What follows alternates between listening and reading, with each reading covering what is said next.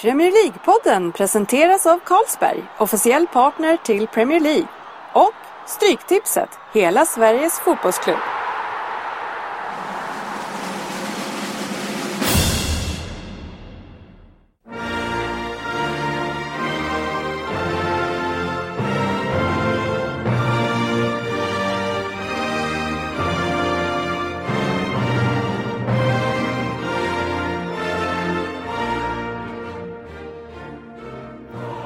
Här är Premier League-podden, av fansen, för fansen. Sveriges nya podcastmagasin om Premier League och den engelska ligan.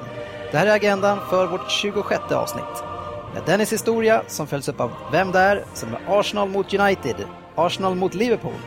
Och veckans debatt, Manchester City mot Chelsea, Söderberg lurar oddset. Sen har vi en kortis om tips-SM och avslutningsvis Stryktipset. Välkomna alla lyssnare till vårt 26 avsnitt. Mitt namn är Dennis Kjellin och den här veckan i studion så har vi Andy som är tillbaka. Vi har Oddsets fiende nummer ett numera, Jörgen Söderberg och sen har vi engelska språkets mästare Jörgen Lundqvist. Nej, no, okej, okay, nej, med mitt smeknamn. Härligt att ha er här för ännu en diskussion kring den engelska fotbollen. Hur är läget killar? Really good, really good. Perfekt uttal. Och engelska. Jo tack, det är Jag tycker det är bra. Ja, Kul att vara tillbaka som sagt. ja och eh, jag bad om ursäkt förra avsnittet för vårt ljud på, för två avsnitt sen och sen så sa jag att det skulle vara bra förra gången men det, det var inte bra då heller men nu har vi hittat felet så för den här gången så tror jag att det ska låta som normalt. Jag hoppas i alla fall, annars är det dags att avgå tror jag. Normala vi kan låta. Ja, vi har ju tre stycken fokusmatcher eh, förutom de vanliga programpunkterna den här veckan. Så vi kastar oss in direkt tycker jag i den historiska delen av programmet som Andy får introducera så här. Dennis historia. Och i veckans historia så ska vi hylla en av de mest framgångsrika fotbollscoacherna i modern tid, José Mourinho. En person som alla fotbollsintresserade har en åsikt om. En tränarens Zlatan som gärna sticker ut hakan och är kontroversiell. José fyllde 50 år förra året. Eh, Men han föddes i Portugal och växte upp i en stad som heter, som heter Setubal. Eh, hans fullständiga namn är José Mario dos Santos Felix Mourinho. Han började en egen spelarkarriär karriär som ung men gav ganska tidigt upp den då han egentligen inte levde upp till sina egna höga krav och förväntningar. Så han började studera idrottsvetenskap och deltog i kurser kring coaching faktiskt i Storbritannien. Han började träna ett ungdomslag och var idrottslärare. Och efter det också assisterande manager innan han fick jobb som tolk åt Bobby Robson som var i Sporting Lissabon. Och det här samarbetet var väldigt lyckosamt så José följde med Bobby vidare till både Porto och sen faktiskt även till Barcelona. Det dröjde till 2000 innan han själv blev en huvudtränare, blott bara 37 år i och för sig. Han var assisterande i Benfica, men sen så fick ju huvudtränaren gå och då erbjöds han att ta över jobbet som huvudtränare. 2002 återvände Mourinho till Porto, men denna gång såklart då som huvudtränare. Och redan andra säsongen med laget så slog han rekord i antal poäng över en säsong. Och man vann även den inhemska kuppen och Uefa-cupen. Och sen vet vi ju att han även lyckades vinna den finaste av alla europeiska troféer, Champions League med Porto. Och det var sen som Abramovic och Chelsea öppnade plånboken och värvade den talangfulle tränaren. Han vann ligan direkt och slog poängrekord med 95 poäng. Och han slog även andra rekord som eh, minst insläppta mål under en säsong och flest hålla, hållna nollor. Eh, titlarna rullade in, i alla fall de inhemska. Eh, men däremot så var det ju lite tuffare Champions League med Chelsea och eh, han lyckades ju aldrig vinna där och vi, det var ju en bidragande orsak till varför han fick lämna klubben till slut. 2008 tog han över Zlatans Inter och han vann direkt dubben. Med Zlatan i laget så var man ju sig garanterad att vinna de inhemska titlarna i Italien, så det kanske inte var något märkvärdigt. Eh, Zlatan lämnade och då passade José på att vinna Champions League för andra gången. Och eh, han är faktiskt bara en av tre som har lyckats göra det med eh, två olika lag. Innan han återvände till Chelsea igen så basade han ju över ett hyggligt lag i Spanien, eh, Real Madrid. Lyckades där också väldigt bra i Spanien och bröt ju Barcelonas enorma dominans med det laget de hade då. Men samma sak där. Man har ju höga krav såklart på ett lag som Real Madrid och José Mourinho, men han lyckades i alla fall inte vinna Champions League. Eh, han har vunnit högsta ligan med sina lag sju gånger. Han har fått otaliga utmärkelser som årets coach både i Europa och i världen och är den första att vinna engelska, italienska och spanska ligan. Ja, han har vunnit po eh, portugisiska också, men just den där, de tre tunga ligorna. I veckans Vem där? så söker vi en spelare som José Mourinho har haft i sitt lag. Och eh, det finns såklart en tydlig koppling till Premier League. Hmm. Hur känns det Jörgen? Var det som du, hade du kunnat snappa upp det här temat? Nej, jag hade nog mer ett tema på en känd domare. Aha. Så jag var nog helt fel ute. Poängställningen i Vem där inför den här omgången i snitt är som följer. Vi har Jörgen Lundqvist på 3,75 poäng. Andy Könberg har fyra, så börjar skugga där, Andy, lite grann. Vi har Per Svensson som fortfarande leder på 5,25 och sen så har Jörgen Söderberg ökat här nu och lämnat nollan och har en poäng i snitt, Jörgen. Snyggt! Ja, number one. Oh, yes. Så ditt eh, hittills score är 0-2-0-0-2-2. Så hur känner du för veckans? Jo, men jag var fortfarande ensam om uh, Hutt. På ett poäng eller? Ja. Man känner flåset i nacken nu. Ja. Åh, vad rädd man är. ja. Är ni redo? Yes. Yes. Då kör vi Vem där? För 10 poäng. Jag föddes 1975 och redan tidigt i min karriär så insåg jag att jag hade väldigt speciellt målsinne. Jag har representerat nio klubbar och gjort 198 mål på 453 matcher i min karriär. José Mourinho har jag en väldigt speciell relation till, förutom såklart för att han kallas för the special one. Jag värvades till Chelsea 2003, men blev utlånad redan efter ett år. Det blev 49 framträdanden i Chelsea och faktiskt hela 20 mål, så man kan ju undra varför jag inte fick så mycket mer förtroende. Något som var lite konstigt var när José tog över Inter 2008, så värvades jag dit med. Eller, jag hade ju redan varit på lån dit i två år, men trots att kontraktet gick ut med både Chelsea och Inter så förlängde José mitt kontrakt med Inter.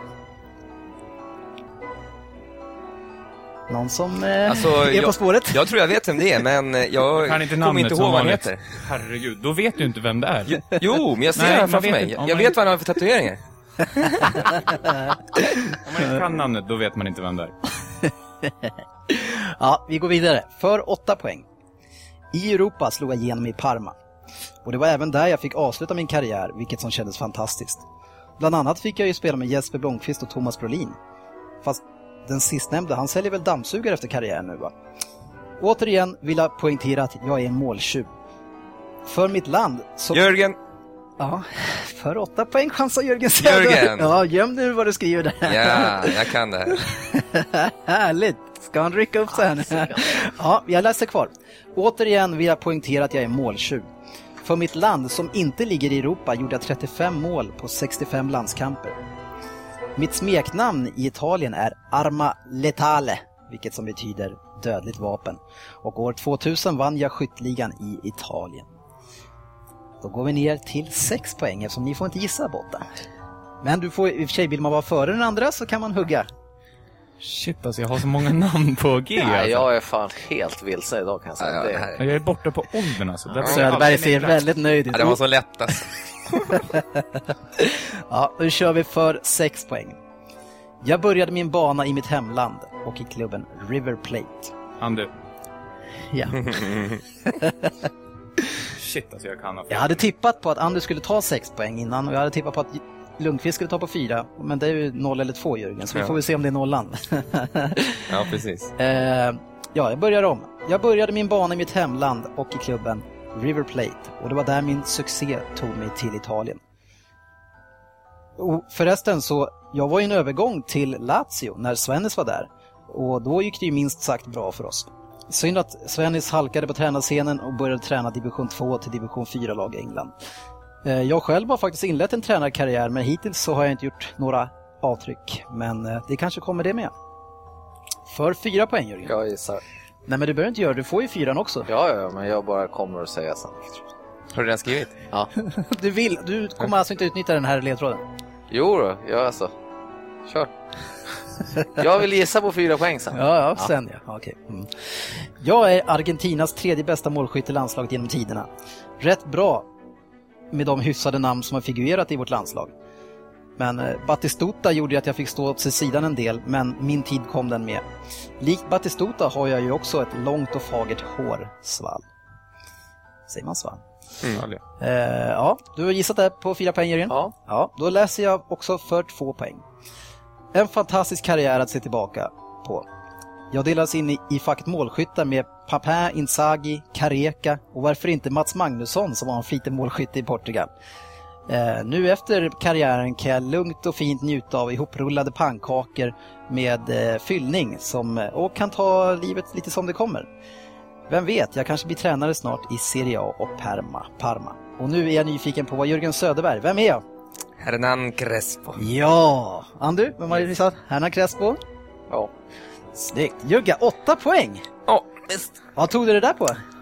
Eh, oj, jo men jag kommer ihåg att han var i, i, i, i Chelsea där och hängde en del och, och sen i just Parma. Ja, Eh, ja det var Parma som du, du, Ja. knäppte den ganska snabbt där, va? Mm. Ja. Ja. Nej, först Ja, då hade jag, först då hade jag den här serben på tal, den här, den här, du vet den här, Jag vet vad du menar. Ja. Den lilla. ja den lilla serben med så här tatueringar med stjärnor så här och, Som var i Holland och gjorde sjukt ja mål. precis, jag kommer inte ihåg vad han heter. Nej. Men, eh, Och du tog det direkt på River Plate, då visste du vem det var? Nej, jag hade den på den innan. Ja, okej. Eh, Men jag har varit osäker flera, flera gånger. Jag var inne på... Vad heter den andra italienaren som var mellan Lazio och Parma mycket där? Som har en brorsa som spelar. Cannavaro var jag inne på. Han har inte spelat Chelsea va? Nej. Ja. Jag, tror tror att jag inte skrev honom i alla fall. Ja, det var snyggt. Bra Jörgen, grattis! Bra. Vilken uppryckning. mm, Han, kändes inte, han känns inte som 1900, född 1975. Nej, precis. Nej. Kändes jäkligt ung liksom. Mm. Bra Jörgen. Ja, nej men härligt. Eh, till första fokusmatchen som var mitt i veckan, förra veckan då alltså, och det var Arsenal mot United. Och eh, ett nästan identiskt Arsenal som mötte Liverpool och förlorade med 5-1 matchen innan. Så det var ju väldigt spännande att se hur man skulle lyckas den här matchen. Och eh, United eh, har för andra matchen nu fick man börja med Robin van Persie, Rooney och eh, Mata. Och i alla fall jag själv inför matchen kände att det här har ju United chansen att göra ett resultat och faktiskt vända på botten som man får ändå får tycka att, att de var och är. Eh, och en, en spelare som jag såg fram emot att kolla lite grann extra på det var ju Robin van Persie som jag tycker matchen innan såg ut som en 44-åring. Han såg så jäkla stel ut alltså. Varför inte, vad, vad, vad har den här stackars människan gjort? Eller vad har Moyes gjort med den här människan? Och han fick ju chansen direkt i, ja, är det typ första minuten av Arteta som eh, han känns som Arsenals sämsta spelare just nu alltså. Och, men man märker ju, han kommer fri och ganska lättläst avslut va? Ja men han, eh, han ser ju stel och gammal ut, han ramlar ju samtidigt som han skjuter där. Och liksom, Ja. det är som att han är... s- För ett, år inte. sedan, för ett år sedan hade han ju stängt in det där uppe i vänstra krysset eller någonting. Liksom bara dunk hade det bara. Ja. Det hade bara sagt pang så hade det varit mål. Men nu helt, ser ut som en... Han, han är ju liksom åldrats ut, utseendemässigt också. Ja, det är det som du bryr dig nej mest men alltså, om. Ja, nej men han, hela hans, både Ja. utseendet och hans Ja, aktion. Han har, inte spelat, han har väl inte spelat en match på hur länge som helst, match förutom matchen innan. Till, Det till hans han försvar är- måste vi ändå säga Han precis har varit som borta ganska länge. Jo, jo, men okej, men om man jämför när Sturridge kommer in och bara, Ja, men Sturridge är ja, han är yngre. ett fysfenomen och är 23 år gammal. Jo, men vi ändå, han ser 30. ändå sjukt gammal ut alltså. I, det är, ja, Nej, det ska bli spännande att följa honom och se om man kan komma tillbaks. ja, Spontant känns han inte som typen som kör eh, stenhård rehab. Nej. Medan han är skadad. Är bara, det känns som det. Kanske inte. Eh, en annan forward, eh, Giroud, som jag, alltså jag tycker han är så pinsamt dålig hela matchen. Han har ju också ett, ett jättefint läge i, efter en hörna och jag vet inte om det är fyra meter från mål och ska bara nicka in den i stort sett öppet. Men eh, bränner den. Och, Han kanske sprang runt och tänkte och var orolig över andra grejer. ja, ja, vi, vi kommer till det till nästa fokusmatch. Här hade han väl fortfarande trevligt tror jag. Här var allt bara glädje. lyckligt ovetande. Ja, nej, jag, alltså han misslyckas med allt tycker jag matcherna. Alla, allt från enkla passningar och eh, bollmottag och avslut. Det är otroligt vad fort det kan gå från att, eh, alltså vi i den här podden var ju jätteelaka i början och tyckte att han var jättedålig. Sen så levererade han hela tiden och vi fick ju nästan så att vi ville ändra oss. Men det behövde vi inte göra till slut. Nej, det känns som att han har blivit den Giroud som jag målade upp honom i början. Han fick Han var inne i någon overklig Ja, men alltså han liksom. och, när Özil kom så hittade ju de varandra extremt bra. Och Ja. Nu har ju Özil gått ner lite Ja, ganska i... mycket eh, skulle jag ja, säga. Han, han känns ju inte riktigt lika taggad som han var i början. Och då Nej. eh, direkt så blir Giroud... eh, det- Han är ju inte grejen, killen som gör det själv direkt. Han är, han är riktigt jävla dålig skulle jag vilja säga. Så Men det är, det är roligt att du säger Özil, för man ser, även om han är nere, man ser många gånger när han gör någonting och sen så samspelar med Giroud. Och vad han blänger. Jag vet inte om ni har sett det, men han blänger så elakt på Giroud och tänkte vad fan alltså, vad har jag gjort? Hur, hur kan jag byta ut Ronaldo mot den här killen? Har jag kvar Benzemans nummer i luren liksom? Jag ringer efter matchen. snälla, snälla. Ja, det känns som att han inte har någon i laget som han riktigt kan få det där sköna flytet med. Nej. Det var väl lite Ramsey förut då, men Ja. han är ju... Och nu har han ju, det var den här matchen så hade han ju Wilshire och, och kan den- här spelaren, han gör, han gör ju mycket bra saker men han gör ju minst lika mycket dåliga saker. Alltså när ska han bli den här toppspelaren som han trodde att han skulle bli? Det är ju alltså så ojämn spelare va? Han, Ja, han som känns- vi sa, han började ju alltså, riktigt bra, såg riktigt sugen ut, så här, men nu verkar han ha gått ner sig helt och verkar undra, som vi sa förra avsnittet, att, vad gör jag här ungefär liksom? Varför, Ja, nu pratar de om Özil. Ja, jag hoppade han snabbt ut till. Wilshire. Ja, förlåt. Ja, ja. jag, jag var inne på Özil, förlåt. Ja, nej men båda två där är eh, ojämna. Men, men det känns som att eh, Özil, det är väl lite grann det här som det är kanske därför han i, fick lämna Real Madrid. Jag, vet att, jag tror att det var Svensson som pratade om det här en del också. Att han, han gör ju extremt mycket poäng, men, men däremellan så han är ju ingen spelare som hjälper laget riktigt sådär. Alltså med, med ett hårt jobb. Nej. Men när, man, när han får bollen och de andra löper bra omkring honom, då, då blir han helt plötsligt en fantastisk poängspelare. Men, Han tar inga egna löpningar. Inga Nej. maxlöpningar framförallt. nej, Jag tror han gjorde... Nej, det var nästa match. ja, precis. Det gjorde han. men, Jävlar vad han sprang. Det såg Ja. ut som att det var han. Ja, det såg löjligt ut. Men om vi går tillbaka, om vi går tillbaka till den här matchen då, så jag tycker det, är, det är som att se två handbollslag som de släpper hela mittplanen och sen så är det bara gata fram eh, till varsitt straffområde.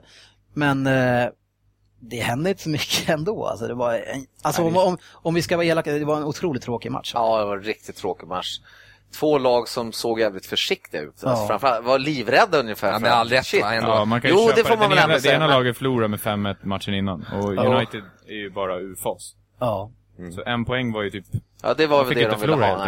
Nej. det var kanske bra för båda. Eh, Ja, egentligen så var det inte bra för båda, men alltså... Nej, men med tanke på hur... Ja, precis. Eh, jag tror att Robin van Persie har ju en bra chans i slutet på matchen att avgöra när Rooney lägger fram den fint och han nickar. Och, Vilken passning. Ja. Alltså, Ja, ja. Fantastiskt fin räddning också. ja, det var det verkligen. Eh, och det var Wilshire igen tror jag som drällde på mittplan.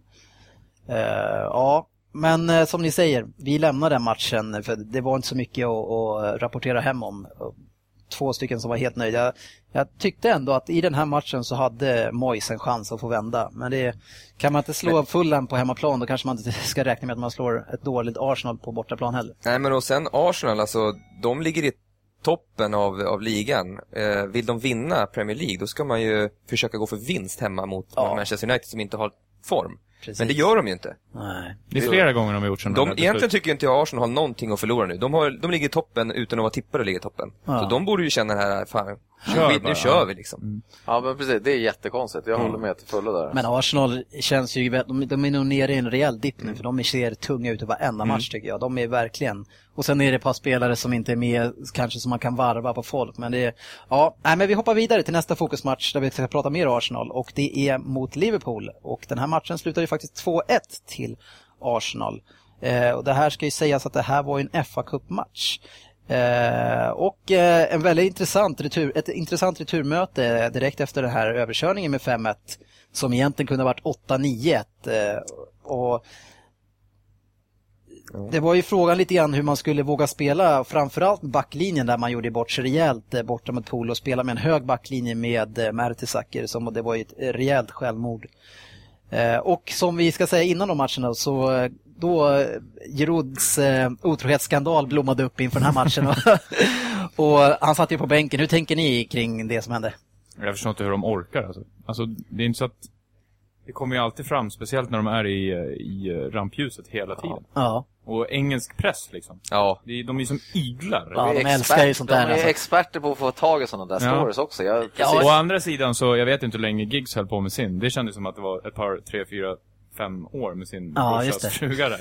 Det tog ett tag innan det det kom var fram. inom familjen, det var lättare att hålla hemligt. De valde att hålla det i- inom familjen. Ja, det där gillar de alltså. Men eh, ja, han lär ju sitta på bänken just för att det där hade hänt antar jag. För den Sanogo som kom in. Ja. Han är, alltså, han är bara 17, man man har inte sett mycket Ja, av okej. men alltså, han är inte vass än så länge alltså. hans första är där han skulle, jag vet inte vad han gjorde, han såg ju inte ut som att han hade sett en boll som, Eh, han missade bollen och det var liksom, Nej, men sen gjorde han ju någon bra grej. Jo, Så han har men- väl kanske höga toppar. Men man fick, jag, jag följde honom då hela matchen och försökte göra någon analys och det, det, den eh, analys jag kan göra det är att han har inte fått kontroll på sin kropp än helt enkelt. För att det, han har jättedålig balans och, och i nästan alla lägen. Han har växtverk. Lite, som, lite som Traoré i... i ja. ja.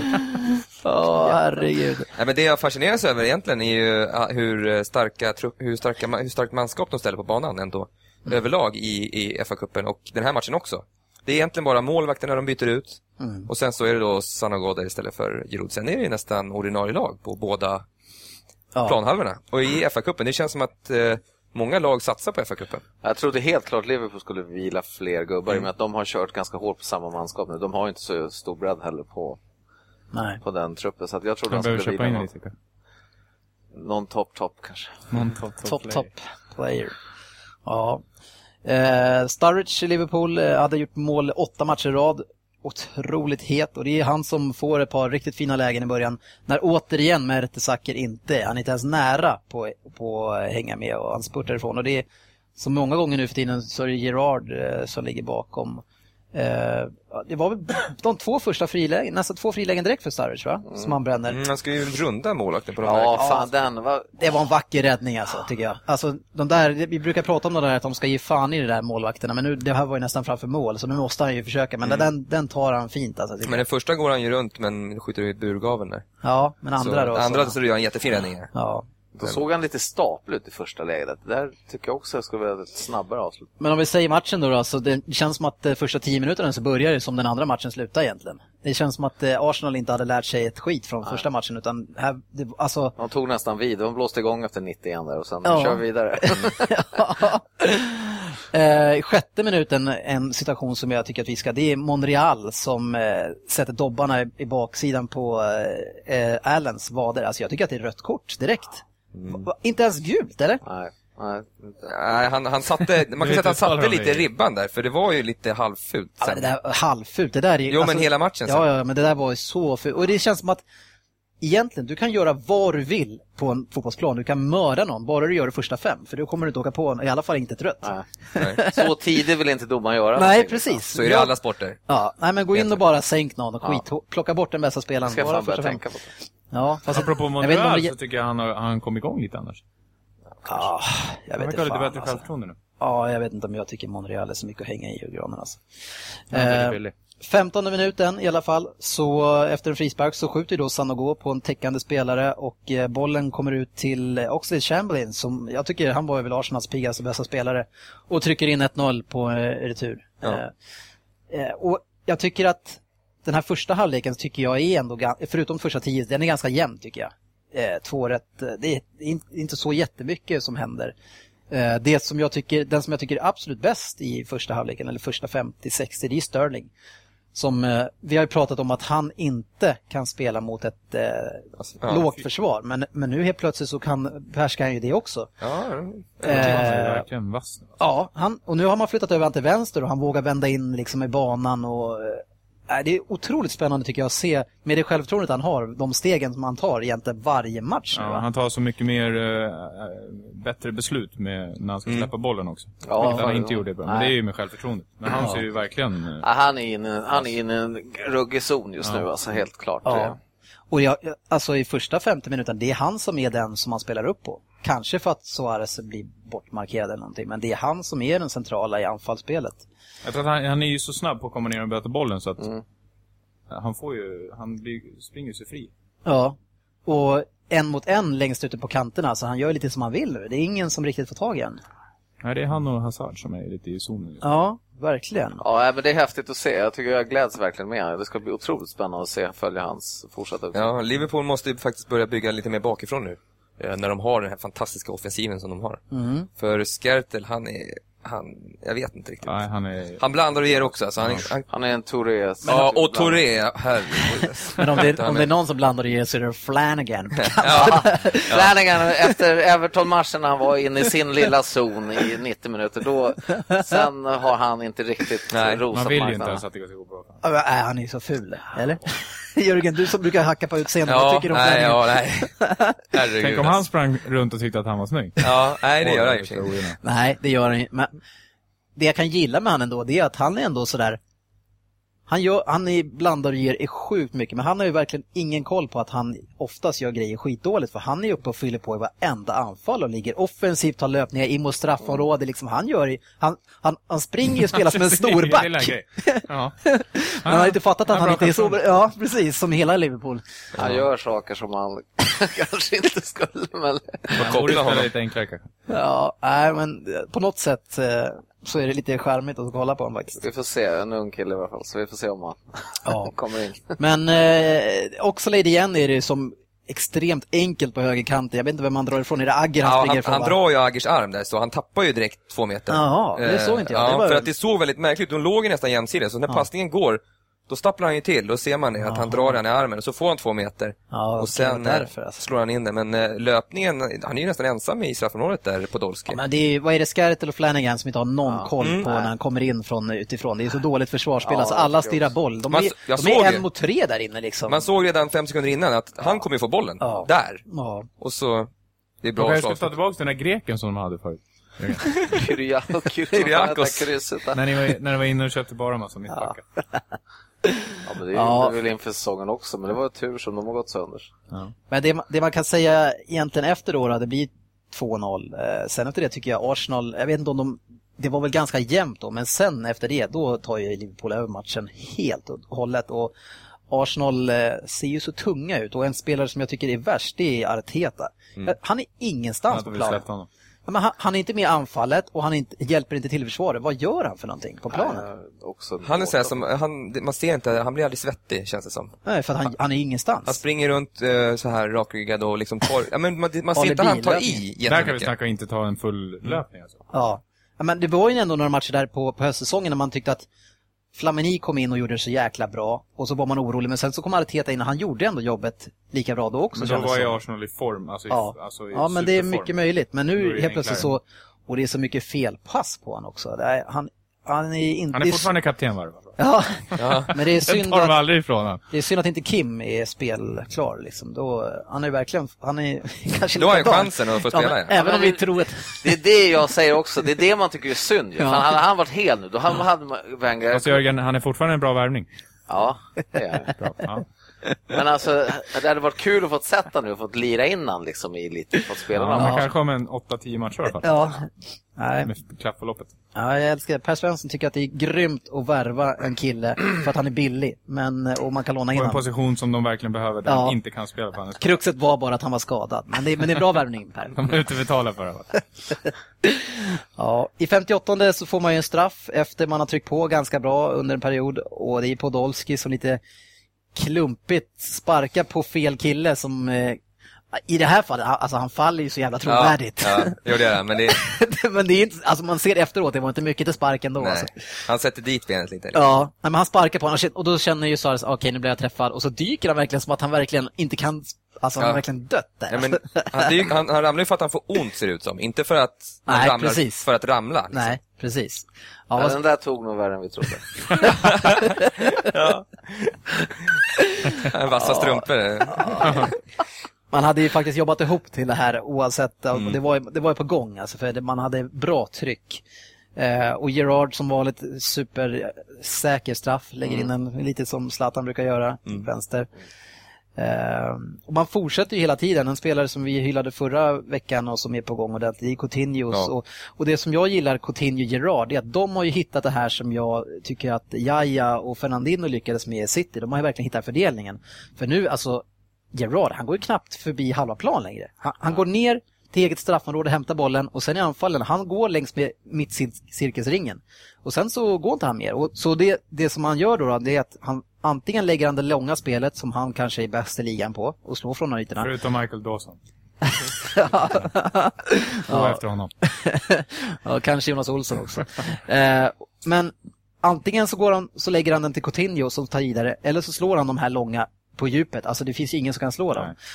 Och, och när man ser då Coutinho som får det här ansvaret, alltså det var ju till exempel en, en passning som man lägger in på Sturridge när han frispelar honom Ja. i ett Arsenal som har backat hem i straffområdet. Han får ett friläge. Han är, Mellan mittbackarna bara så här. Ja. Ja.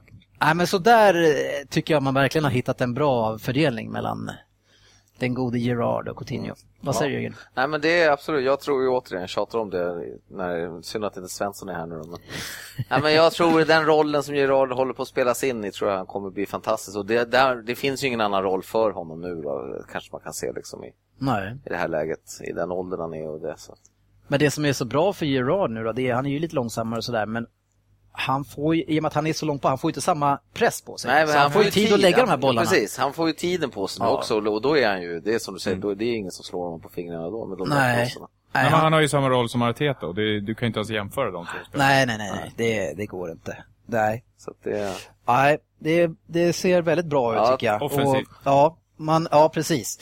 För Bakom Eh, Gerard så ser det ju, är det ju katastrof. Ja, precis. Försvaret eh, Han kommer ju behöva kliva ner som mittback. ja, det var det jag tänkte också, jag bara, snart ser man väl honom där nere ju. Ja, det är väl så. Och så tar vi tillbaks Carragher så kör vi bara. Men eh, vi måste prata om Suarez igen. Eh, I 64 minuter som han blir manglad av, av Oxlade Chamberlain. Eh, och Howard står där. Alltså, jag vet, Suarez, han ser ju, tror jag, när Oxlade kommer, han, han, han slår ju bara iväg bollen och sen kommer smällen. Ja. Vad, vad säger ni om situationen? Det är årets mest självklara straff. Ja, nej, jag säger också det. Den första var ju, den kan man väl ha tveksamheter om när man ser en Ja. repris. Men den här är ju ingenting att snacka om liksom. Men, ja, Det som nej, är jag synd är det att han snurrar två varv och gör en trippel eh, Salkov Fast liksom. det är en hård smäll. Ja, det där är ju en riktig det där tackling. jag-. Det där tar nog. Ser ju hur han trycker ifrån på något sätt och står på huvudet nästan och, och liksom sprattlar sig med benen och du vet. Ja. Det blir lite för mycket men det är solklart straff. Ja, nej, det är en och han står ju tre meter ifrån domaren. Jag kan inte Ja. förstå. Han, Hade han inte fått straffen innan hade han fått den här. ja, garanterar. helt- Och sen så tror jag att det, om han åker på eget grepp där Suarez också, att han vet att det är Suarez liksom. Men den där borde han ju, som du säger, han borde ju se att den här tar ju fan illa alltså. Ja, men frågan är, eh, det som jag inte gillar det är att Suarez, han, i det här läget, det jag menar att han, han, får, han ser ju också det, man, han skickar bara iväg bollen någonstans och, och tar smällen. Han är inte på väg liksom. Jag, be- Mm. eh, jag vet inte hur man ska göra de där lägena. Eh, det, ibland kan det vara att man kommer ganska långt ner till kortlinjen och då försöker man också göra, man petar bollen så att den, den, den, den kommer jag aldrig hinna ikapp. Nej. Men jag blir fälld och, jag, han, han, och liksom, han gick inte på bollen. Ja, de är ofta ska det ute. vara, ja men precis, ska det vara straff? Ja, det är lite du- svåra... Du tänkte så att situationen är ändå död tycker du? Ja. Så att- Men de hade ju, Jonas Eriksson satt ju där i Viasat och, och målade ju upp exakt vad det var för regler som gällde. Ja, okej. Och är det kontakt så är det ju så är det straff. Det spelar ingen roll om Nej. bollen är död eller vart som helst. Han kan Nej. peta upp den, skjuta upp den på läktaren. Ja, ja, kanon. Ja, då är det ju... Och då visade de ju många sådana här målis, alltså när de petar den förbi målisen. För det är finns ingen chans jättesynd att de hinner. för 2-2 där, så då hade det varit jävligt intressant att se Mm. följden. Alltså då vet jag fan om Arsenal hade klarat det. Ja, fram till, eh, fram till i alla fall 75 minuten så jag tycker man har ju så mycket lägen och alltså den, det, Suarez är ju inte riktigt i samma målform nu. Det är bara ett Nej. mål på 5-6 matcher här nu och han har ju eh, 4-5 riktigt bra lägen i och runt omkring straffområdet så det är Nej. inte riktigt samma, men man kan ju inte vara så hysteriskt bra som man var hela tiden. det är så sjukt. Nej, men samtidigt så skapar han ju fortfarande lägena så det är ingen fara så. Ja, alltså jag tycker att det är dåligt av Liverpool att inte kunna göra fler mål i den här matchen för att jag tycker att man blir bjuden fram till straffområdet så många gånger och får så många fina lägen så Nej, har, man bör ta med sig ett resultat från den här matchen vi har lite tendens till att bränna lite mycket ibland. Ja. Eh, inte lika mycket press dock eh, sista kvarten. Eh, man känns som att man då var man lite trötta tror jag. Mm, när man ser ut. Ja, Absolut. verkligen. Det var ju Agger, han fick ju helt upp ett mål eh, när Fabianski var ute och som annars gjorde en bra match men eh, och ska egentligen nicka in den i öppet mål men missar ju med några decimeter där. Ja, som vanligt på inspel från Gerard. Men eh, 2-1 till Arsenal och det, alltså jag tycker att det känns jäkligt orättvist. Men eh, jag fick ju bastning direkt från en kille som heter Hans på, på Facebook att det, det finns inga orättvisa matcher. Man, det är, man vinner på, att vinna, på att göra mål. Ja, precis. Och som Arsenal-supporter så säger man säkert att det var ta- taktiken. Ja, det gjorde de dessutom. Nästa kille gick in och skrev på vår Facebook-sida, det får ni också gärna göra, och han går in och skriver, ja men det är så man ska spela mot Liverpool. Man låter dem föra matchen. Fan, är, Sven, är Svensson coach i det här laget? Nej men det verkar vara någon Arsenal-sjuka sådär, att efteråt matchen säger man, "Ja, men det, där, det var så vi skulle spela för att vinna. Det spelar ingen roll att vi var utspelade och de hade... Det kan, det kan ha sagts på, från andra håll också kanske. Ja, var, Då var det ju en, men det är skitsamma, vi har inte om det. det som var synd här det var ju att hade Liverpool vunnit så hade de ju fått möta Everton i, i nästa match. Ja. Ja, om vi ska ta den dra, eh, fa Cup-lottningen, det känns som, den var så riggad, det kändes som, som det alltid gör i såna här lottningar. Det, det hade blivit Everton, eller Liverpool-Everton om de hade vunnit där. Och sen så fick City möta Wigan en, en repris på finalen. Och sen vet jag inte, vann Sheffield United mot Nottingham eller inte? Ja, de vann eh, 3-1. Ja, då blir det alltså Steel City Derby där också. Liksom, Det var bara så här så att allting bara Ja. passade ihop överallt. Pussel, bra regisserat. Ja, precis. Ja, är det, kanske får göra en liten teckning kring det där Steel City Derby. Det har vi ändå pratat med Niklas Alexandersson om i vår intervju. Ja. Han fick ju aldrig spela det, men eh, det skulle ju vara häftigt. De, det är inte ofta de springer på varandra längre. Nej. Eh, ja, vi lämnar vår andra fokusmatch och nu är det dags för veckans debatt. Och eh, det är en programpunkt där vi går upp i kamp kring olika ämnen som känns kanske olika mycket aktuella. Eh, det kan variera. Eh, och veckans ämne kom upp efter jag såg matchen mellan City och Chelsea och då den gode Phil Dowd springer runt som en tjock division 6-domare runt omkring mittcirkeln. Han lämnar typ aldrig den. Och då bara känner jag liksom, ja visst, erfarenhet är bra och sådär, men vad fan, var nära situationen och allt det där.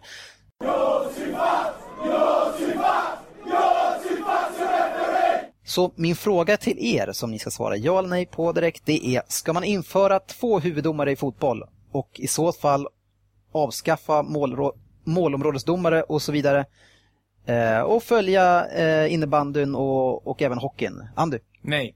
Jörgen? Nej. Jörgen? Nej. Dennis? Ja. Jag trodde du skulle säga nej Dennis. ja Okej, då är jag ensam. Men vi börjar med nej-sägarna den här gången och jag tänker att vi börjar med Andy.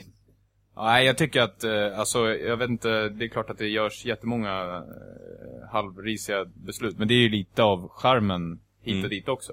Ja. Det är klart att man blir ju sjukt lack när det är i sitt eget lag som drabbas, om man tycker att domaren är värdelös. Okej. Men jag tror, jag vet inte varför, jag tror jag är osäker på om det skulle bli ens bättre med att ha två huvuddomare. Som Mm. springer runt på planen. Det känns... Eh, Får jag bara fråga, har man målordsdomare fortfarande? Ja, jag, Ja, det har man väl i, i UF, UF. VM och, men och de ju Euroleague. totalt Champions ja men de League. gör ju ingenting, de menlösa. Nej, så de kan jag säga, de tycker jag, de men ska de har bort inte i bara. Premier. League, alltså de... Nej. Nej. det Men det är väl i Champions League de har det. Jo, men alltså de, in, de alltså, det spelar ingen roll om bollen är in i mål, de gör ju ingenting ändå. Nej, nej, nej. Jag har aldrig De- förstått deras... eh, Kanske om bollen ligger två meter innanför mållinjen, då vågar de säga att det var mål. eller? Tveksamt. Han kikar nog upp mot huvuddomaren ändå och kör lite så här. Det verkar som att de inte får eh, Avgöra avgöra om det är straff eller inte Nej. heller. Nej. För det kan vara solklara och så står de där Så jag vet inte vad de ska om de bara ska göra huvuddomaren uppmärksam De ska bara vinka. Ja. Att nu händer det Men de någonting. gör ju inte det heller. Lyfta Nej. lön. Nej, jag, ja, precis. En jävla extra Nej, kostnad bara. Jörgen eh, Söderberg, du sa också nej. va? Ja, du, spelar nej. ju, du spelar ju innebandy med två huvuddomare. Varför vill inte du ha det i fotboll?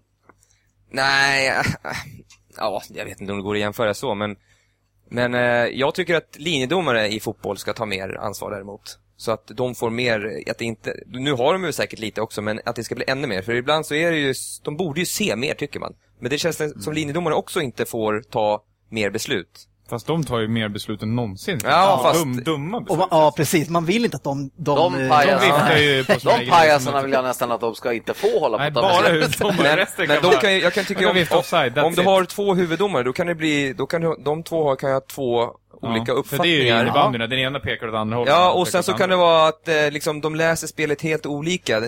Men, men Jörgen, om du har två linjedomare som du vill ska ta mer beslut, har inte de olika åsikter som eh, Ja, det- huvuddomaren Det, det, men det tänker där- du inte igenom, Jörgen. Ja, nej, men där bestämmer de ju om varsin halv, halva ju. Ja, men det gör väl huvuddomaren Nej, också? ja, så menar du att huvuddomaren ska stå bara på varsin halva och döma, döma eh, ena döm, Men då, dömer åt då, ena går, laget? då går vi in till ja-sägaren här nu då, Dennis. Och, jag, alltså jag är inte så här överdrivet att det här måste man göra, men om man har, gjort den här utvecklingen i hockey och man har gjort den i innebandy som är extremt mycket mindre planer också. Och det är, mina erfarna domare, de kommer upp i åldern, det är, alltså de hinner inte med de här snabba omställningarna, de är inte riktigt nära där det händer. Därför tvingas de här linjedomarna ta många beslut som de inte klarar av och ibland så känns det som att en linjedomare gärna tar lite beslut för att vara med i action och liksom få, få, få döma helt enkelt.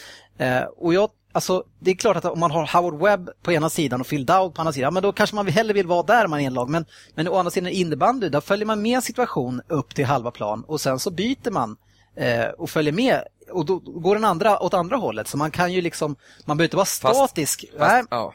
man tycker att man behöver vara statisk på ena sidan, att man, man bygger ihop som ett domarteam. Och, och det gör man i hockey och, och innebär, varför skulle du inte kunna göra det i fotboll? Men kolla här, Nej. i innebandy Ja. till exempel, Ja. jag får, Ja. så kan, jag, kan det vara så att domaren som står längst bort helt plötsligt tar en utvisning som Ja. han som är närmast inte ser. Och då blir man helt match, galen. Då blir man helt galen som spelare. Hur kan han se det som står längst bort, när han som är så nära inte ser det? Och då är det oftast har man rätt då som spelare att Han har helt fel där borta. Han ska inte ens... Sprang för övrigt efter domaren efter det här domslutet. Nej, men jag, tycker, jag har lösningen på det här, tycker Ja. jag själv. Jag tycker det är så jävla lätt. Jag tycker vi ska ha det som vi har idag, men självklart målkameror in, ja. Och sen så tycker jag man kan ha att eh, man kan ha som man har i typ hockey då, en videogranskning. För det går så jävla fort i dagens att kunna ta reda på. Videogranskning på Ja, men då? då, då ungefär så här går det till. Nisse-Gurra, Jugga Söderberg springer ute på sin kant, ska försöka dra sin gubbe. Det händer någonting där uppe. Antingen huvuddomaren eller linjedomaren gör då en, en markering att någonting har hänt. Okej, vad är det som har hänt? Då kan man i sådana fall gå in och granska den här. Straff- det går ju, tar ju hundra Men sånt år. gör de ju nu, alltså med tacklingar och här grejer. Ja, det, tar, och sänka det, det är bara så här går det ju upp till dem och så sitter någon jävla och kollar och så bara, Det blir ju massa där är... avbrott ju. Nej, det går, ja, precis. Nej, men det, det det, är ju, det är en straffsituation. Medan de står och tjafsar och domaren om det är straff eller inte, så sitter någon och kollar där uppe. Nej. Nej, jag... Då är det en domare där uppe. Då ska Nej. han döma därifrån. Nej, Ja, jag- precis. Ja, men Då han ska sitter och kollar video. Så sa ju även Jonas Eriksson, om de, om de sitter 20 domare och kollar på samma situation, då är ju 10 tycker ju att det är straff och 10 tycker inte det. Så det kommer ju alltid Ja, vara olika jag åsikter. Ja. Nej, men jag, Ja, jag, tycker att det är, jag tycker att det är, nej, jag tycker att det är intressant för att två domare gör att de i alla fall är närmare situationerna hela tiden när de händer. De har en bättre chans att se och kan välja vinkeln där man ser ifrån också. Jag menar, en, en, en domare som inte är så snabb, han får ju alltid se grejen bakifrån i alla fall. För att han måste försöka springa ikapp det som händer. Så jag tycker, jag ni ändå ska håller- lämna en eh, Jag tror öppen ändå dörr de hamnar i skymda zoner fast du har en Jo, plan. jo, men det är har- ändå bättre chans. Jag menar om man ska ge linjedomarna högre, större ansvar Nej, som Jörgen säger- säger. nej, det säger inte Ja, men, men. Jörgen. Jörgen Nej. säger det. Men han, han får ju bara stå där längst ut. Vad händer, det händer längst bort på andra sidan på, på den kanten. Vad fan, han ser ju inte det. det är han, är ju, Domaren alltså, får ju springa så här, liksom... han ska springa på andra sidan. Kortsidan. Ja, du, Jag tycker att de sköts ändå helt okej.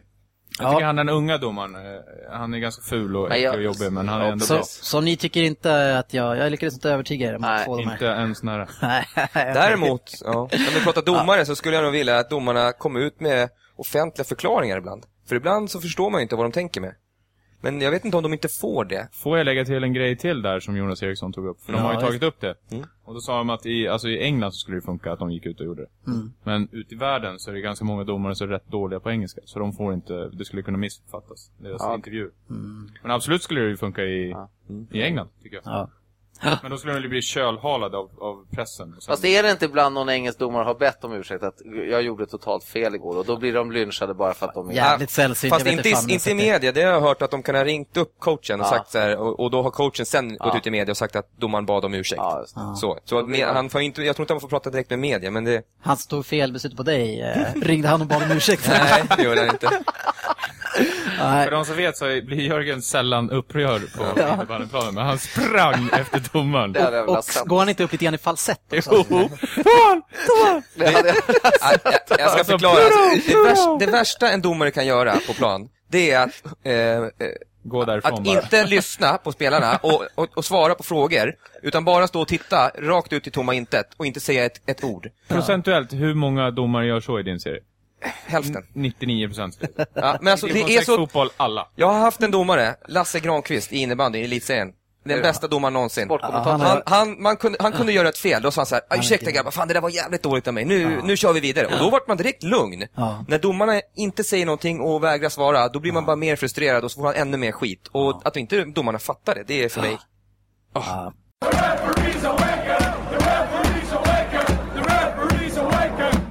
Vi lämnar det. Det var i alla fall en ganska het potatis igen.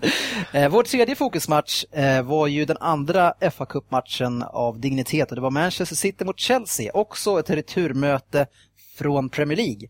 Och eh, inför matchen så undrar jag lite grann på Citys fokus. Det här var ju i lördags och redan imorgon tisdag så möter man i Barcelona hemma i Champions League. En, en turnering som man känner att det här bör man ju prioritera.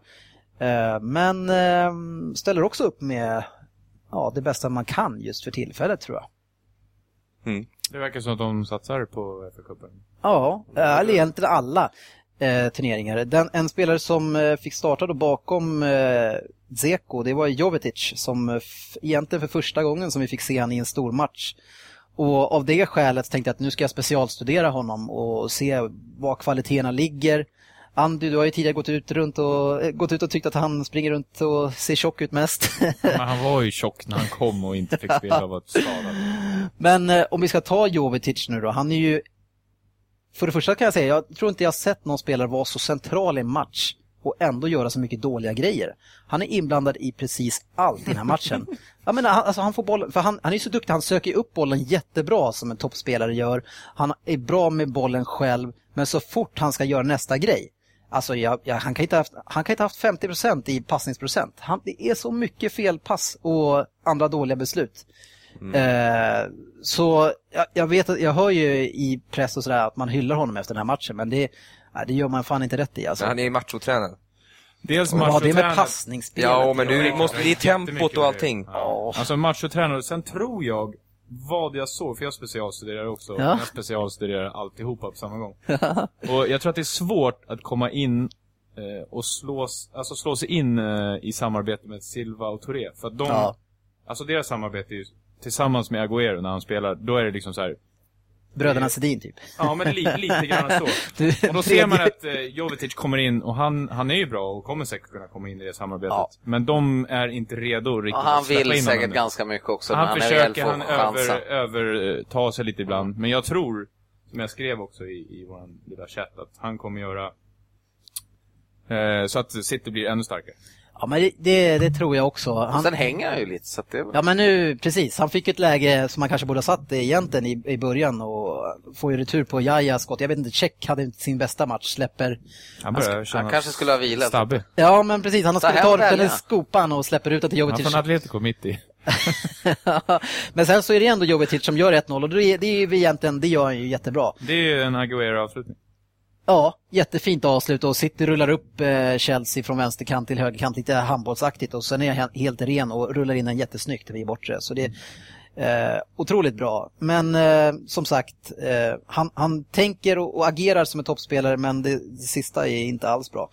Eh, utöver det så, om jag ska kommentera matchen så känns det som verkligen att City lärde sig från Leksand från förra matchen.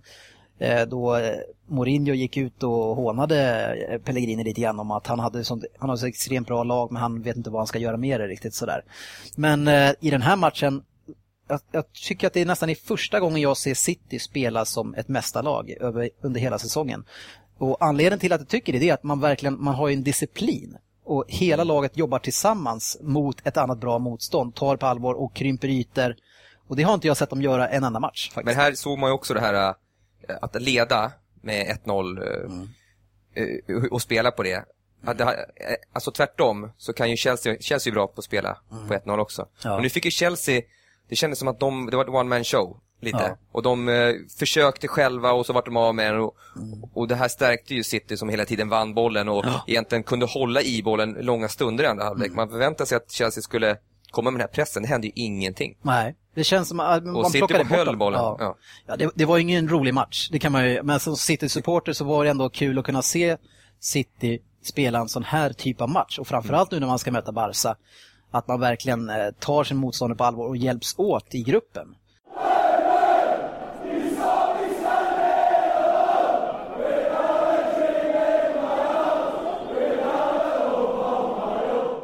En stor skillnad såklart från förra matchen var ju att Mikelis var inte med. Utan nu körde man Garcia som, man såg inte han så mycket men, men han gjorde nog ett väldigt bra jobb eh, i det tysta bakom eh, de andra. Så, ja, och, Men eh, man, jag vet inte, man, självklart City var ju bra, men man kan ju ifrågasätta Chelseas fokus kanske också. Jag vet inte riktigt vad de, jag menar inte ett skott på mål hade varit, varit nästan före. Men om, förra om man tar Hazard till exempel, som matchen innan. ja, men någonting måste ju ha varit... ja, jag vet inte, jag tror att det var City som gjorde dem lite sämre. Alltså, jag, det var ju, alltså Hazard fick ju inte låna bollen knappt. Men ett par gånger han fick den, då såg man ju ändå att han hade det där bettet. Han kunde dra några stycken. Men sen så hade ju City Förra gången de möttes, då var det Demichelis mot Hazard på en kant och sen bara, ja men då går jag förbi han och sen går jag förbi nästan. Nu hade han ju ah, tre stycken på sig direkt och plockade bort han. Det City har inte jag sett tidigare i, under det här året och kanske knappt förra året heller. Så det var, det var roligt att Pellegrini sa in, efter matchen att, ja, som jag sa så skulle inte vi, änd- vi kommer inte ändra vårt spel. Eh, bara för att vi möter Chelsea eller sådär. Men det var ju precis det man gjorde nu. Man backade ju hem på ett annat sätt. Men så ställde man ändå om eh, med ganska mycket folk. Men det var en enormt eh, härlig disciplin tycker jag att, att se. Eh, sen kommer Nasri in igen efter ja, fem, sex veckors eh, skada. Och direkt med ett väggspel med Silva gör 2-0. Man märker ju att han har saknats en del. Han har ändå gjort en bra säsong, Mm. Nasri. Ja, det var ett fint mål. Ja, jättefint väggspel med Enkelt Silva. känns det som. I, I Chelseas. Lite misstänkt eh, offside. Ja, men det är precis. Det var... Och det, det sköna tycker jag med det här offside-målet det är att David Luiz, han, han gör lite grann som en lokal Libro här Rosersberg och hjälte som alltid brukar göra. Han sträcker upp handen, Åke Kalla heter den här killen, och varje gång då ska vi berätta att vi spelar division 6 utan linjedomare. Så varje gång det blev en situation, hur tveksam den än är, då slutar han springa, sträcker upp handen och bara går och så hoppas han på att den här domaren då ska gå på den här eh, charaden och blåsa offside. när man märker att det är kört, då sträcker man upp armarna. Men Louise i det här läget, som, som är, delaktig i det här, han, han, han gör ju det här, och han, men han måste ju spela till eh, domaren blåser. Ja. Och, han, och, och eh, om han nu tror att det är offside, för han blir inte ens upprörd sen när det blir mål och att det inte blir offside. Så han kan ju innerst inne inte, trott att det var offside heller. Fast det är, ja. Nej, Han sträcker upp handen och sen Ja. så blir det mål, då blir det bara så här, fan, Ja, och han, hade han inte gjort så, då hade han kunnat tagit passningen så- till Nasri. Och då hade han hunnit dit. Men eh, alltså, jag vet inte vad man ska säga riktigt om, om eh, David Luiz. Alltså, han, det är, man kan förstå att det fa- fanns lite surr på att skicka iväg honom och byta ut honom mot någon annan. För det, ja, jag vet Ja, Han nu, är inte... nu, har ju varit, nu har de ändå, alltså de har ju blivit mycket bättre Chelsea. Mm. Och det är ju ändå, nu har han ju satt sitt lag känns det som, Mourinho. Mm. Och nu har han spelat eh, Luis och så spelar ju William nästan varje matcher också.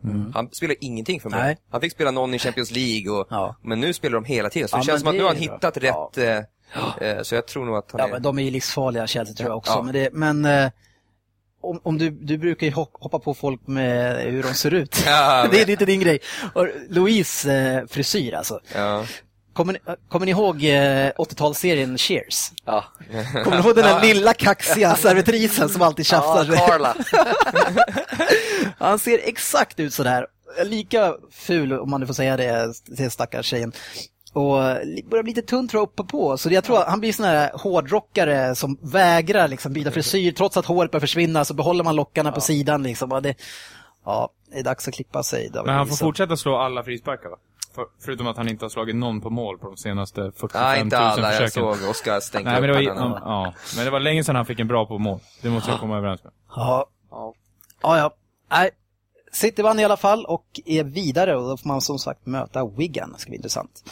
Eh, veckans Premier League-resultat var då alltså Fulham mot Liverpool var 2-3. Ett sent avgörande för Liverpool på straff. Sen hade vi då Arsenal United som vi pratade om 0-0. Newcastle som vi trodde med Kabajs avsked att om man bara skulle falla som en tung sten, de förlorade med 4-0 på hemmaplan mot Spurs. Sen har vi Stoke mot Swansea som blev 1-1. Ehm, Guidetti fick spela sista 20, han hade bollen kanske en, två, tre gånger sådär. Det var grisigare match än Sverige-Turkiet i, när var det, när var det EM 2000? Alltså Stokes spel Ja, är Ja, det var inte det. bra nu alltså. det var det äckligaste jag sett alltså. alltså. Det var inte en, alltså det var inte två passningar inom laget. Någon gång. Nej. Ja, det var, det var Först passar någon till en annan spelare. Då skulle han försöka göra någonting så blev av med den. Precis varenda gång. Swansea var inte bättre heller tycker jag. Men de har ju å andra sidan värvat en mittback. Fan, jag så- skulle vilja sitta nu med Mark och höra hans fotbollsfilosofi. Ja, han kan inte ha någon här. Nej. Förstör, eller inte ens En förstöra. Jag vet inte. alltså. Kör, kuta ut och kör bara, gör, gör vad fan ni vill. Ja, och grisa bara. Sen hade vi West Brom som återigen gjorde livet surt för Chelsea. Man hade ju egentligen på gång en eh, seger på bortaplan där men fick en billig straff och nu blev det 1-1 hemma mot Chelsea. Sen hade vi Cardiff som spelade 0-0 mot Aston Villa, fortfarande tungt för Ole Gunnar. Sen var det Hull som förlorade med 0-1 mot Southampton. Och sen West Ham som har vunnit tre raka nu och ligger 11 tror jag. På åtta dagar har man gått eh, från botten till toppen. 2-0 mot Norwich. Säg något Anders. Big Sam. Ja, alltså, jag tycker att West Bromwich och eh, West Ham, då är de två just nu oskönaste lagen. Men de, de Alltså. Oskönare än Stoke alltså. När man ser, när man såg West Ham för några omgångar sedan, en match, så tänker man ju så här, fan de här kan ju inte vinna en match till. Nej. Och sen så tittar man inte och så plingar det bara i rutan. West Ham gör mål, man bara sitter här som ett frågetecken. Man hade Svensson tänkt det, de här Ja. vinner inte en match. Ja. Nej, men jag tror jag hörde, om jag inte var rädd, att West Ham har mest nollor i Premier League den här säsongen, 13 stycken. Shit. Ja. Nej, jag är, alltså, jag är inte förvånad över Big Sams framgång. Men Är du bara nöjd med själva Big Sam? Eller? Ja, Jag tycker bara han får säga Big Sam varje avsnitt. Ja, ja, han precis. Med de små medel han oftast får i sina lag så gör han det Ja. fantastiskt bra. Nu är det dags för oss att kliva vidare och nu in i våran tipsdel och där har vi då Jörgen Söderberg som förra veckan tog ytterligare en seger mot Oddset. Eh, Har du fått någon respons efter den här fantastiska framgången? Eh, nej, mest lokalt sådär bara. Det har väl inte blivit någon rikstäckande än, men... Nej, men är det, Men, någon, är det eh, någon som följer dig lokalt då? Eh, lokalt, eh, Per Svensson skulle följa mig, sa han. Jag vet inte. Jag Ja, han kan på inte spela själv, så det Nej. gör han ju rätt i. Nej. Hur ser eh, saldot och ställningen ut just nu? Saldot är då 3363,50 Ja. plus. Och ställningen mellan dig och... Det blev då en... Sju. 7-2, ja. Det stod Ja, 6-2. Nu blev det precis. 7-2. Ja, och då Precis. är det dags då för veckans Söderberg lurar oddset.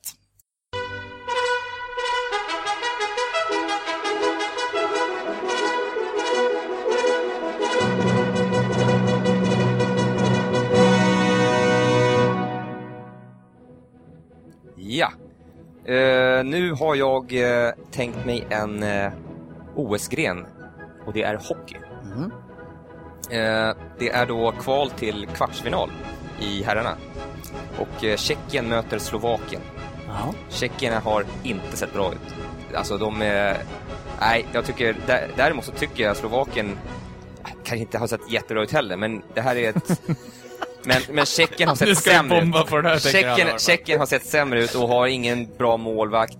Nej. Inget spel, så mot Sverige egentligen. Sverige är inte heller bra tycker jag. Så, eh, nej, eh, jag har hittat... Eh, det går att spela en rak tvåa på Slovakien till eh, 3,5 3,90. Åh jäklar. Men eh, jag eh, tar en kryss 2, en gardering. Jaha, det kan man göra alltså. Det kan man göra. Till eh, 2,05.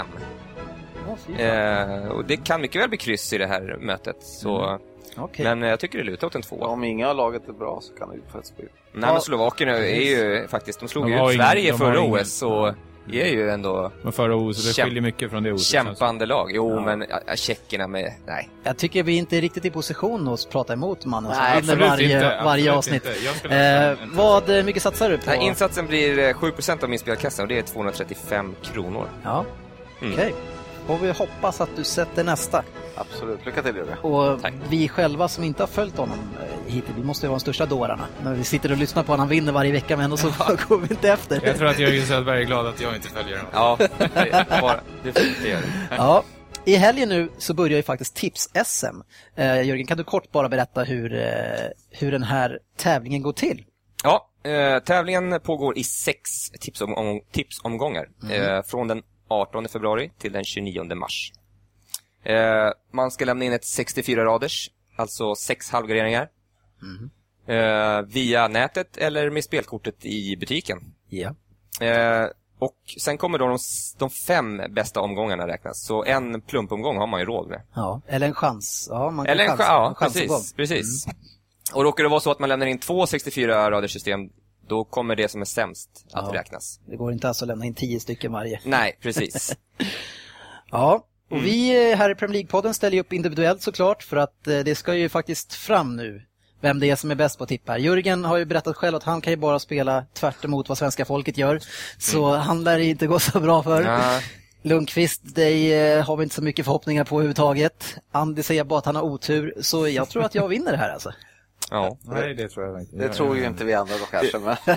Nej men det ska vara skönt, men, men, men om vi säger så här internt eh, här, eh, vinnaren, ska han få kanske en extra spik varje avsnitt eh, resten av säsongen om han eh, vinner? Ja, den kan vi bjuda på. Eller, Ja, den- men den det är, man måste ju få lite mer inflytelse i alla fall över, eh, och en spik kanske är för lite, man kanske borde få en, en, Ja, den den av- avgörande rösten. Ja, Eh, och då kanske vi struntar i spiken och säger så fort det vä- väger, då är det han som har vunnit. Precis. Åh, varit jag hoppas att Dennis inte kommer få. Ja, det det, kan jag tycka. Ja, det tycker jag låter också Jag hoppas i jättebra. att jag inte får den heller. Om vi ska vinna någonting. Nej, men det ska vara härligt eh, att få se vem det är som är bäst. Och vi ställer även upp i lag. Eh, och det är vi fem här. Vi har tyvärr med Svensson i laget, så vi får väl se hur det går. Ja, han får köra en experten varje gång. Det är hans krav för att få vara med i laget. Kan man ta en reserv då i laget? Ja, med det sagt så ska vi in i veckans omgång av Stryktipset. Och den här gången så har jag varit lite lurig här. Jag har inte lagt ner så mycket tid för jag vill inte att ni ska få se mina guldkorn inför helgen här. Så, och då tänker jag så här att ska vi inte försöka på oss en lite mer chansartad rad med podden? Det känns som att vi alltid går på säkerhet och hamnar alltid mellan 8 och 11 rätt. Att vi inte riktigt vågar ta ut svängarna. Eh, och, och med det sagt så är det en ny regel. Man får inte spika en tydlig favorit på kupongen. Det tycker jag jag var en problem jättebra regel. Ja, För om man ser till det här, vi är fyra stycken som tippar. Och då blir det ju eh, som svenska folket tycker oftast. ja precis. Eh, om man är en så... Det är svårt att få igenom sina skrällar Ja. när man är det fyra som ska tycka Men å andra likadant. sidan tror jag att vi, vi är lite för snälla när vi verkligen känner att vi har någonting här. Att, Men det är om- för att om man- vi tror att vi vet för mycket om fotboll också. Ja, men, ja, kanske. Men det är det som när man, när man West Ham borta mot Cardiff, man har vunnit de fem senaste. Men det här har man ju en chans, liksom. Ta den. Alltså, våga spela på den. Var inte så jävla duktig, som du säger. Eh, Men eh, då kör vi och vi går eh, som vanligt igång med spikarna och den här gången får Lundqvist börja. Tackar och jag tyckte jag blir glad när du säger att du, du börjar strategi här. För jag har en fin spik två som jag tänker bjuda på direkt. Ja, och det får inte vara en av favoriterna. Så säger du Queens Park så får du tänka om direkt. Nej, men då säger jag så här. Jag vill spika i match nummer åtta. Watford borta mot Bolton vill jag ha en tvåa på. Watford är på uppgång. Ja, och Bolton är usla. Ja, den är kanske inte en stor favorit, va, Jörgen? Nej, men vi måste, ju, vi måste ju dra gränsen också. Vad är en stor favorit? Ja, Stor favorit är någon som vi kommer att känna är 60% eller mer tycker jag. 60 är inte ju stor favorit alltså. Ja, men 60%. Jag kan säga på den här omgången så är det typ bara Manchester City som är stor favorit. Nej. Ja, Arsenal måste vara det. Men Watford West kan vi inte ta kanske. bort. Den är ju fan, den är ju en fin spik om vi får in den. Ja, jag tycker Watford är en, en bra. Ja, ja, det är jättebra. Ja, Och Bolton så är ja, ja. katastrof. Tack. Ja. Man kan aldrig lita på Watford dock, men eh, ja. Men nu ändrade du lite förutsättningar. Jag som hade gjort en rad här med lite spikar. Ja, Men eh, jag kan... eh, Söderberg... Nej. Nej, du får inte fortsätta med någonting. Söderberg, ta sin spik. Jag fyller på då. Då får jag spika match 6 då, Barnsley-Millwall, en etta. Ja, den hade faktiskt jag också. Snyggt. Bra spik. Mm. Andy? Eh, Huddersfield. Ja, i Vilken match? 12. Hemma Sheffield Känns som en stor favorit, eller? Stor Nej, favorit nej, kan nej. de inte det är de inte. Men eh, däremot är de favoriter. Men däremot så har de ju James Vaughan borta va, fortfarande. Ja, men de lyckades vinna med Målkungen. 3-2 borta. Ja, Sist. Ja, absolut. Den är jag absolut med på. Ja, okej. Och då ska jag göra någonting som ni blir arga på och det är match 7. Singelkryss. Blackpool mot Birmingham. Ja, Blackpool behöver ju många. Ja, jo men absolut. Alltså, Vi fick väl inte kommentera varandras spikar? Nej, vi får inte det. Och, men jag kan säga så här, som förra veckan pratade vi om mina singelkryss och då sa jag Bolton Millwall, de är för dåliga, inget lag kan vinna. Det blir kryss och det blev mycket mycket kryss. Du har också även alla rätt efter åtta minuter. Ja, jag brukar, jag brukar ligga bra efter singelkryssområde. 45, brukar ligga bra, sen rasar det. Och då fäller du kommentaren också. Ja, fan vad du Sen går bra. du rassla till. Ja, nej, vi kör vidare nu och nu går vi då nedifrån och upp på en gång, Lundqvist. Vi har Reading mot Blackburn. Eh, ja, Andreas, vad tycker du? Ja, jag, jag eh, är ju lite en Blackburn-älskare, men eh, kan inte gå på dem här idag, så jag säger etta på det. Ja, Ja, spikat också. ja fast om vi nu ska våga oss... Jag har alltså- också spiketta. Ja, men nu ska ni lyssna här. För det var det här vi inte skulle falla in i det här. För Reading är det här laget som man inte kan lita på. Utan de kan verkligen fallera. Och man bruk, när man fallerar så fallerar man stort å andra sidan. Så jag, jag hade skrivit ett kryss här, men nu kände jag fan det här är en 1-2 match. Eh, en eh, rensare. En bra rensare också, för Reading har en tendens att förlora sådana matcher. Ja, men du har inte vunnit tips-SM än och vi är tre stycken som har spikat det. Så Det finns andra rensare som, Ja. som blir bättre. Okej. Det är, inte, det är ingen... eh, Upp till match 8% är det direkt. 11. Charlton mot Queens Park Rangers. Där Jag vet inte jag... hur du skulle kunna säga att Queens Park är jättestor favorit. De har ju typ inte vunnit sen 82. Kryss två har jag satt där faktiskt. Kryss två satte jag där. Ja, jag har ju en enkel två här, men här är det sådär så jag blir sugen på etta istället. Ja, alltså... Queens Park torskar ju sist Jo, hemma men det är en med 3-1, väckarklocka. alltså. Det är, jag tror jag är en väckarklocka. Ja. Eh, De, de torskar hemma mot eh, De har problem i... någon topplag. Queens. Park är fina procent på där också. Ja, jag tror, jag tror inte Där har vi, jätte, där har vi en, en rensare i så fall. Ja, men en etta två då? Eller? Ja, jag skriver kryss två. men Kryss det- 2 har, har jag garanterat. Va? Rensa kryss alltså? Eh, Jag, kan, jag tycker inte, jag tror inte, jag tror det blir jämnt alltså i procent. Ja, ja, men kör kryss två då. Det är ju... Ja. Mitt, mitt riktiga tips kommer ju ändå till helgen. eh, match 10, Burnley mot Nottingham. Och här, det är en toppmatch. Nottingham, eh, Burnley är lite svajiga, men de, de hamnar ofta i upp- underlägen och kommer tillbaks starkt och sådär. Men de är lite mer svajiga nu, så kan inte Nottingham eh, jobba till sitt kryss här, eller? Ja, absolut, Nottingham kan, kan ni göra. Men, Etta kryss har jag. ja, Ja, jag kan köpa den. jag med. Som sagt, inga rensare här hur som helst. Brighton Wigan. Eh, ett Wigan som eh, öser på i FA-cupen. Jag De gillar såg bra ut för övrigt. Ja, men jag gillar Brighton eh, och jag gillar inte Wigan. eh, ja, jag hade en singeletta här faktiskt. Jag har en 1 2 Jag tycker att Wigan har faktiskt... De har ju höjt sig flera snäpp. Ja, de hade några sköna spelare. Fast de möter Cardiff och Cardiff är sämst. Ja, men innan det i ligan också hade de ju 3-0 Jag hade en helgardering där om man tycker att det kan vara jämnt ut över alla. men vi har ju sånt också, just det. Ja, nej, men då tycker jag att vi tar det, för jag tycker att det här är en... eh, Men å Jag andra kan köpa det. Eller ska vi inte ha helgarderingen där vi har stora favoriterna? Eh, Arsenal, City. Men Nej, City men, vi, men kör här då. jag tycker vi... Match 9. Match nio, Hel, helgardering. helgardering. Upp till match 5 då va? Mm. West Ham mot Southampton. Och här har jag en helgardering för jag tycker att den här... Visst, Southampton är duktiga men eh, det, ja, man vet inte vad West Ham kan ställa till med den här matchen. Ja, jag Nej. tog en helgardering här också faktiskt. Mm. Jag tyckte den var svår. Ja, det är jättesvårt. Ja, då, då är det väl en helgardering om det är jättesvårt. Vad fan, hur gick det här till? Hur många helgarderingar har vi? Tre. Eh, En kvar. Match 4, West Brom mot Fulham. Där, där varnar jag, jag höjer varningens finger för att Fulham börjar komma igång nu alltså. Ja, Jag tycker de är så det. dåliga. Jag tycker, alltså. ja men alltså West Bromwich. Men Säg ny- en bra spelare nu. där nu. De, de är dåliga Fulham och så ny tränare nu va? West Dåren Brom Magath. kryssade ju hemma mot Chelsea sist. Så det, Ja, men det, är, det är sådana matcher de kan vinna. Alltså, de har Men jag blivit... tror de kan kämpa till sig ett kryss kanske Fulham. ja, jag har ett kryss där Ett faktiskt. kryss jag. Ett kryss. Ja. Yes, taget. Varningens finger. Vad har vi kvar i garderingsväg, Jörgen? Vi har en helgardering och en halvgardering kvar. Vi har inte tagit någon överraskning. Nej, förlåt. Vi har bara en helgardering kvar. ganska fina. Jag, jag sa fel. En helgardering En och två helgardering spikar. kvar. Ja, det- Eh, och då har vi alltså tre matcher kvar. Manchester City Stoke. Ska vi hitta... Kan Stoke ställa till det borta mot Manchester City? Efter allt jag har sagt idag så känns det som att det kan Ja, jag tycker, vi, visst vi ska chansa men det där tycker jag Det är nästan det kommer in och avgör Det kan bli pengar Vi ändå. chansar på Arsenal tycker jag istället. Får, Guidetti spela eller? Det blir en etta på City, va? ja, Ja. Mm. men vi har bara en helgardering kvar alltså. Ja. Fan, jag skulle vilja... Ja, Jo, jag har men jag tycker vi Cardiff. Hall, där har jag satt ett enkelkryss. Jag har svårt att se att någon... Jag skulle vinner. kunna tänka mig en rak tvåa. Ja. Ja, eller det. Det kan jag också tänka mig. Just för att eh, chansa lite och... Har vi ingen halvgardering kvar heller? Nej. Nej. Ja, jag vill gärna ha helgardering också på Arsenal mot Jag Sunderland. hade helgardering på Cardiff Hall men det var... Ja, men, Men eh. Arsenal Hall helgardering. Tycker jag. Eh, Eller Arsenal Sunderland helgardering i alla Det fall. tycker Ja, jag absolut. Ja, då, då är det bara frågan vad vi ska markera match två, Cardiff Hall. Jag har Ja. enkelkryss. Det är så äckligt jävla läge på Cardiff nu. Nu tycker man så här, han får inte fason på dem där vet du. Det är med... Ja, de möter Hall. Hall är en- ett stabilt lag, alltså homogent lag. Men de torskas... men Det var luktar salt- kanske 0-0-1 faktiskt. Ja. Kryss eller tvåa? Vad röstar du på? Nej, jag hatar kryss. Då tar jag hellre två.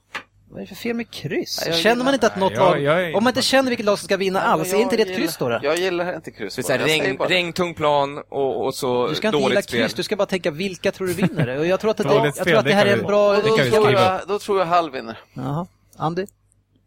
Nej, jag, jag går på Dennis. Ni ska, alltså, Två Hall, Hall har, ju haft, respekt. har ju haft så svårt att göra mål på bortaplan alltså. Ja, Deras nyförvärv var inte direkt... för enkelkryss. Men det kanske lossnar för Cardiff också. Ja, då kanske de får 1-1. Ja, precis. Då har du lossnat för den då, det, det dåliga laget. Det vart ett enkelkryss. Yes, Jörgen, dra raden. Ja. Match 1, Arsenal-Sunderland, 1, kryss 2. Match 2, Cardiff Hull, kryss. Match 3, Manchester City-Stoke, 1. Match 4, West Bromwich-Fulham, 1, kryss. Match 5, West Ham-Southampton, 1, kryss 2. Match 6, Barnsley-Millwall, 1. Match 7, Blackpool-Birmingham, kryss. Match 8, Bolton-Watford, 2. Match 9, Brighton-Wigan, 1, kryss 2. Match 10, Burnley-Nottingham, 1, kryss. Match 11, Charlton-Queens Park Rangers, kryss 2. Match 12, Huddersfield-Sheffield Wednesday, 1. Och match 13, Reading-Blackburn, en 1.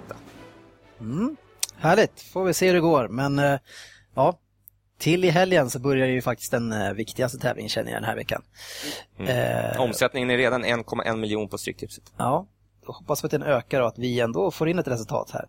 Eh, Det var allt för den här veckan och vi lyckades trycka in på hyfsat vanlig sändningstid tre stycken fokusmatcher och tack för ikväll killar. Imorgon så börjar eh, Champions League igen och då laddar vi för att City slår Barcelona hemma va? Ja, för att det ska bli jämnt i returmötet. Två osköna lag känns det som man inte vill ska gå vidare. Ja, Hela världen väntar på den här matchen. I det värsta av världar håller vi på Barcelona. Nej, om City ska ha någon chans, då är det nu, tycker jag. Ja. Barcelona övertygar inte jättemycket. Nej, uh, tyvärr så har City haft en hel del problem med skador tyvärr. Fernandinho och Agüero, viktiga pjäser. mm. Så det, det kan bli tufft. Men eh, följ oss på facebook.com slash League-podden och på Twitter, där heter vi PL-podden och så har vi hemsidan premierleaguepodden.se. Tack ska ni ha för att ni lyssnade och välkommen åter nästa vecka. Ha en fin Premier League och Champions League-vecka. Tack ska ni ha också killar. Ha det gott! Tack. Detsamma. Tack, tack, hej. Hej hej!